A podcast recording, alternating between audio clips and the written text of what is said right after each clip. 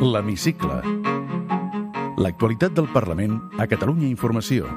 Amb Marc Teixidor i el muntatge musical de Salva Pou. Tres plens en un. La sessió d'aquesta setmana ha estat llarga i tensa. A banda del ple ordinari, també s'han fet dos plens monogràfics proposats per Ciutadans. Un sobre la protecció de la infància i un altre sobre els dies 6 i 7 de setembre de l'any passat. Amb tot, hi ha hagut moments de tensió a la cambra entre les bancades, enfrontaments pujats de to i fins i tot alguna crida a l'ordre del president. Un ple on Ciutadans ha anunciat que presentarà una querella contra el president Torra per haver avalat els CDRs a mobilitzar-se i amb la vista posada en les protestes contra el Consell de Ministres a Barcelona. Benvinguts a l'Hemicicle. L'Hemicicle. L'actualitat del Parlament a Catalunya Informació. Inés Arrimadas anuncia una querella contra Torra. Como usted no ha dicho que condena los actos violentos porque niega que se hayan producido, nosotros vamos a presentar contra usted una querella. Retrets per la gestió de l'arribada de menors no acompanyats. No té cap sentit que l'Estat rebi fons de la Unió Europea per a la immigració i se'ls quedi. Qui fa l'acollida i la inclusió? Les manifestacions convocades contra el Consell de Ministres a Barcelona entren a la cambra. Les queda un poquito de vergüenza torera y de decencia para ser capaces de defender que el día 21 la gente pueda acudir a su trabajo sin miedo y llevar a sus hijos al colegio. A l'altre costat, la CUP, que anima les mobilitzacions. Perquè la lluita sempre continua. Juntem-nos i alcem-nos fins a la victòria sempre. I ens contestaran una frase al qüestionari de l'hemicicle. Joan Garcia, secretari tercer de la mesa del Parlament.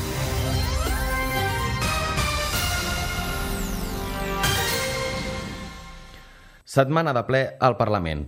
Una sessió amb més d'un ple integrat, dos de monogràfics i un d'ordinari.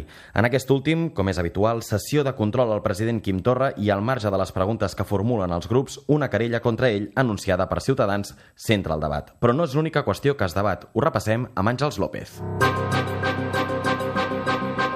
Sessió de control. La sessió de control del Parlament, el president Torra qualifica d'intolerables les paraules de Pablo Casado i exigeix al PP i a Ciutadans que deixin de crear relats ficticis de violència. Mentrestant, la cap de l'oposició, Inés Arrimadas, anuncia durant el ple una querella contra el president per no haver desconvocat els actes de protesta contra el Consell de Ministres que es fa a Barcelona perquè considera que poden acabar en violència. Quim Torra demana al líder del PP a Catalunya, Alejandro Fernández, que rebutgi les paraules de Casado i es mostra convençut que davant la crida a les mobilitzacions contra la presència del govern espanyol a Barcelona, la ciutadania actuarà amb fermesa i serenitat. Gravíssimes. Ha dit que jo buscava un derramamiento de sangre i una guerra civil. Em sembla absolutament intolerable. I jo li demano que ara, aquí, avui, vostè rebutgi aquestes expressions. Les queda un poquito de vergüenza torera y de decencia para ser capaces de defender que el día 21 la gente pueda acudir a su trabajo sin miedo y llevar a sus hijos al colegio. Ya sabemos que el señor Torra no lo va a hacer. Apelo a su decencia y a su dignidad. No jugui amb la seguretat d'aquest país. Coneixem perfectament bé aquests relats ficticis vostès que s'inventen de violència. Si és que han portat els nostres companys a la presó. Mentrestant, la líder de Ciutadans, Inés Arrimadas, anuncia una querella contra el president Quim Torra per no haver desconvocat els actes de protesta del 21D. Mira que ha tenido oportunidades de decir que se desconvoquen los actos violentos, de dejar muy claro que eso no es derecho de manifestación y de concentración, porque esos derechos están regulados y recogidos en otra normativa. Como usted no ha dicho que condena los actos violentos porque simplemente dice que se, no se han producido, niega que se hayan producido, nosotros vamos a presentar contra usted una querella. I el president Quim Torra respon a Arrimadas de manera contundent. Pari de judicialitzar la política, senyora Arrimadas, pari d'una vegada. Alguns que són diputats s'estimarien més de fer de jutges o de fiscals. No els agrada debatre les idees, els projectes i les propostes. Alguns diputats d'aquesta cambra volen ser part i àrbitre. Quim Torra finalment assegura que alguns diputats del Parlament volen ser part i àrbitre. Un dels debats monogràfics que s'ha celebrat aquesta setmana ha estat sobre la protecció de la infància a Catalunya proposat per Ciutadans. És en aquest ple on l'oposició reclama al govern mesures en la matèria per fer front a la pobresa infantil. Durant el debat també reclama millorar l'atenció dels menors migrants no acompanyats. Les mesures per a la infància són una inversió de futur i cal que siguin una prioritat de govern, segons l'oposició. Des de Ciutadans, Inés Arrimadas acusa Quim Torra de preocupar-se només del procés. Esta misma semana creo que se ha registrado un un pacto a nivel de toda España, un pacto por la infancia, que va a salir adelante por unanimidad. ¿Por qué? Porque los partidos políticos tienen que llegar a acuerdos en aquello que compartimos, pero con ustedes es que es imposible, porque ustedes tienen una barrera, ustedes han dividido la sociedad catalana por la mitad. Pel que fa a l'atenció dels menors migrants no acompanyats, Torra defensa que no s'ha deixat d'atendre cap noi, tot i que la xifra de menors que arriben s'ha multiplicat per 10 els últims 4 anys.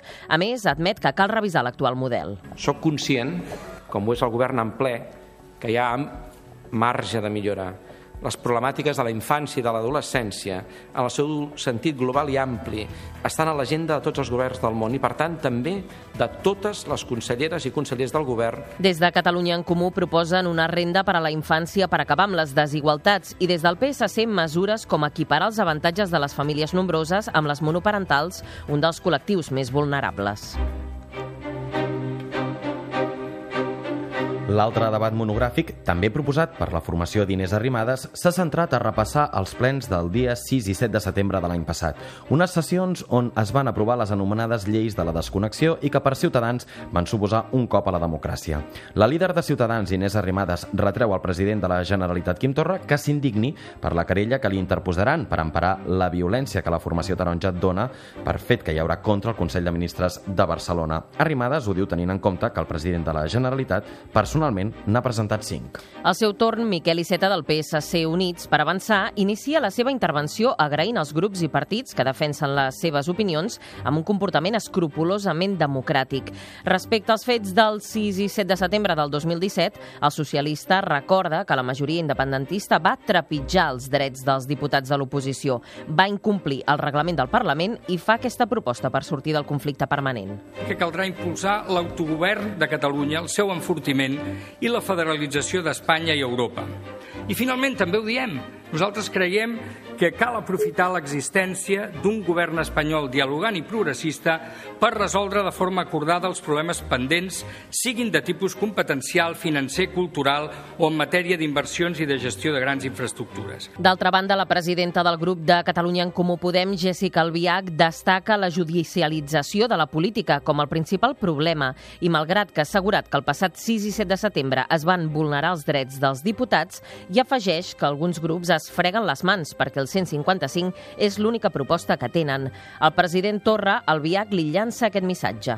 Senyor Torra, si no rectifica, si no deixa de donar bandades, serà recordat com el pitjor president de la Generalitat. I jo personalment no vull dir-li aquestes coses, però és que no ens està deixant més remei. Faci el favor de deixar d'insistir en vies que ja estan fracassades, perquè ja ho he dit abans. Si volem canviar la realitat, no podem tornar a cometre els mateixos errors que vam fer al passat. No pot vostè parlar d'ultimàtum i demanar diàleg. No pot vostè parlar de la via unilateral i després demanar acords. És que tot no es pot, no pot dir una cosa i la contrària alhora. Per la seva banda, el diputat del Partit Popular de Catalunya, Alejandro Fernández, diu als independentistes que van trencar de forma conscient l'ordre constitucional. En aquest mateix debat, la diputada de la CUP, Natalia Sánchez, fa una crida a participar a les mobilitzacions de divendres. El 21 de desembre, avui cridem a mobilitzar-nos, alçar-nos. Fem d'aquest divendres 21 de desembre un punt d'inflexió, perquè la lluita sempre continua. Juntem-nos i alcem-nos. Fins a la victòria, sempre.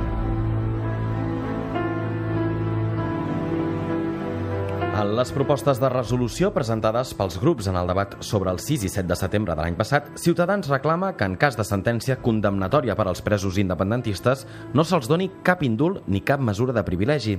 Aquesta és una de les propostes de la formació d'Inés Arrimadas com a conclusió. Ciutadans argumenta que a l'Estat no hi ha persones privades de llibertat ni condemnades per defensar una ideologia política concreta i afegeix que en cas de sentència condemnatòria no se'ls ha d'atorgar cap indult. Ciutadans també reclama que es torni a posar en marxa el procediment per aplicar el 155 a Catalunya. Per la seva banda, Junts per Catalunya, Esquerra Republicana i els Comuns transaccionen una proposta que diu que el poble de Catalunya és subjecte polític sobirà i com a tal té dret a l'autodeterminació. També demana l'alliberament dels presos i el retorn dels que són a l'exili.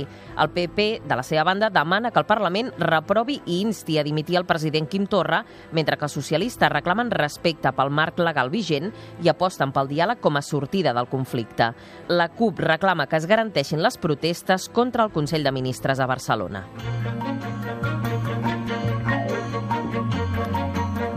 I d'altra banda, el ple del Parlament aprova instar el govern a demanar la materialització del corredor mediterrani a l'executiu espanyol després d'anys d'endarreriments, una moció que s'aprova per unanimitat. Comença la votació. La resta de la moció queda aprovada per unanimitat, 121 vots a favor, cap en contra i cap abstenció. Unanimitat arran d'una moció presentada per Ciutadans i requereix també al govern que continuï apostant fermament pel corredor com a infraestructura productiva i de connexió amb la resta d'Espanya i d'Europa. La moció, que fa referència a infraestructures, també demana un pla de millora del servei de Rodalies que s'aprova amb el vot de la majoria de diputats i diputades.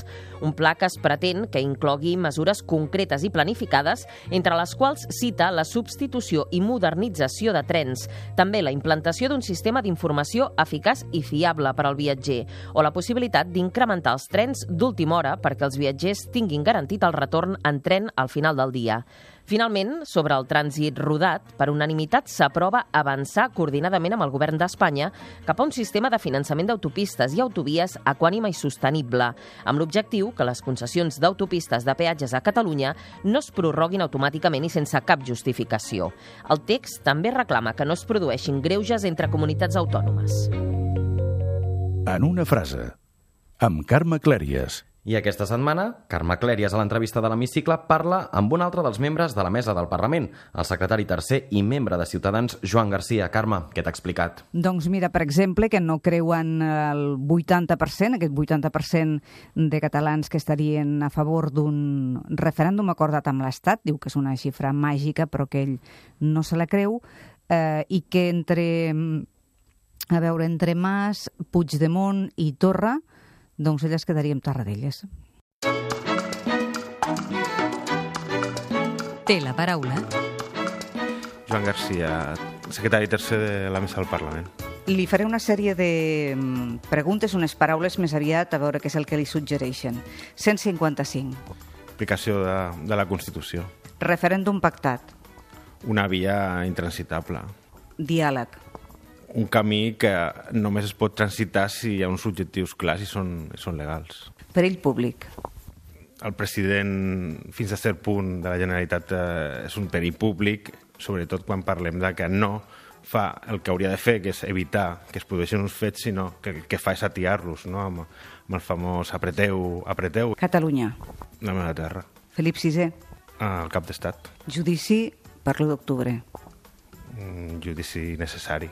A Catalunya hi ha un 80% aproximadament que és favorable a un referèndum acordat amb l'Estat. No se'ls ha d'escoltar?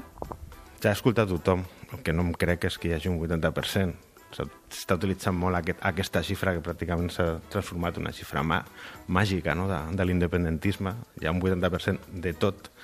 Mm, jo el que em senyeixo és el que, el que diuen les urnes, no? i el 21 de desembre no diuen o no deien això les urnes. El PP va pujar el to fa unes hores enrere contra, contra Torra. Casado va dir d'ell que vol la guerra civil i un vessament de sang. Vostè comparteix això?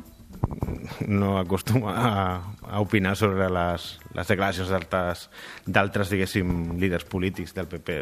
Jo no, no estic en aquesta línia, el que sí que dic, que hem dit nosaltres, que sí que es defensa la, aquesta via eslovena, que és el que ha dit el president Torra, i que nosaltres no la compartim de cap de les maneres, perquè sí que va suposar doncs, un conflicte i una guerra als Balcans. Per tant, no sé si és la fórmula més adequada la que va utilitzar el líder del PP, però nosaltres tenim molt clar que la via escollida pel senyor Torra no és l'adequada.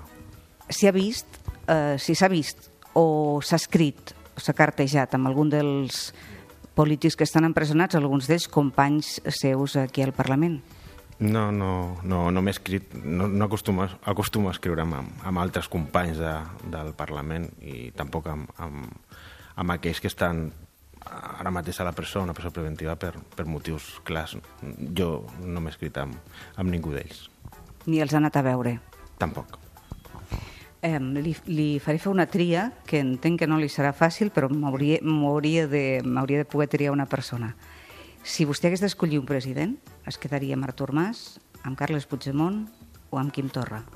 No, crec que és molt complicat que pugui escollir algun d'ells. Jo em quedo, em quedo en Tarradella, si puc escollir.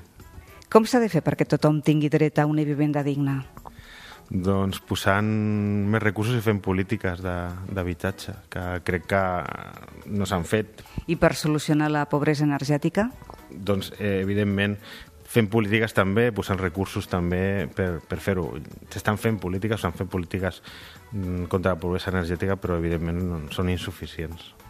Digui'm quan creu que durarà aquesta legislatura. No ho sé, no ho sé. Espero que, m'agradaria que durés 4 anys, però pràcticament això a Catalunya no passa mai. Quina llei li agradaria aprovar en qualsevol cas abans que acabi? Doncs qualsevol llei, mira, que hem fet aquest ple d'infància, doncs qualsevol llei relacionada amb, amb la infància. Per què va decidir dedicar-se a la política?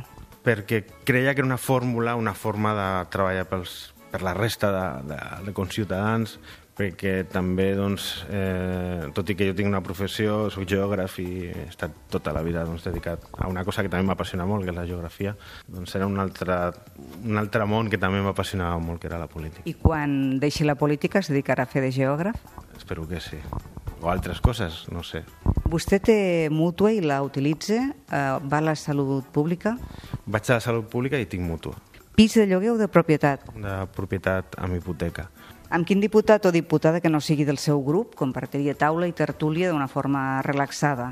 Doncs amb molts eh, diputats, amb alguns diputats de Sabadell, que aquí tenim algun, com el Pol Givert, o també amb el, amb, amb el diputat Guinó, per exemple, amb qui tinc molt bona relació. Digui'm un pecat confessable. Doncs que no faig molt exercici, la veritat. Quin és el seu paisatge favorit? Jo sóc molt amant d'Irlanda, de, dels paisatges irlandesos i de, del verd. Soc molt, també també doncs, a Espanya, Astúries, a, a Catalunya doncs, el Pirineu, l'alta la, muntanya, el verd d'Irlanda, i si ho combines amb el mar, doncs perfecte, que és el que té Irlanda. No? I quins són els seus hobbies? La música, la història i, i poc més, tampoc tinc molt de temps per, pels meus hobbies. La geografia és un dels meus hobbies també i viatjar, viatjar també. I posats a parlar de música, digui'm quina la identifica vostè.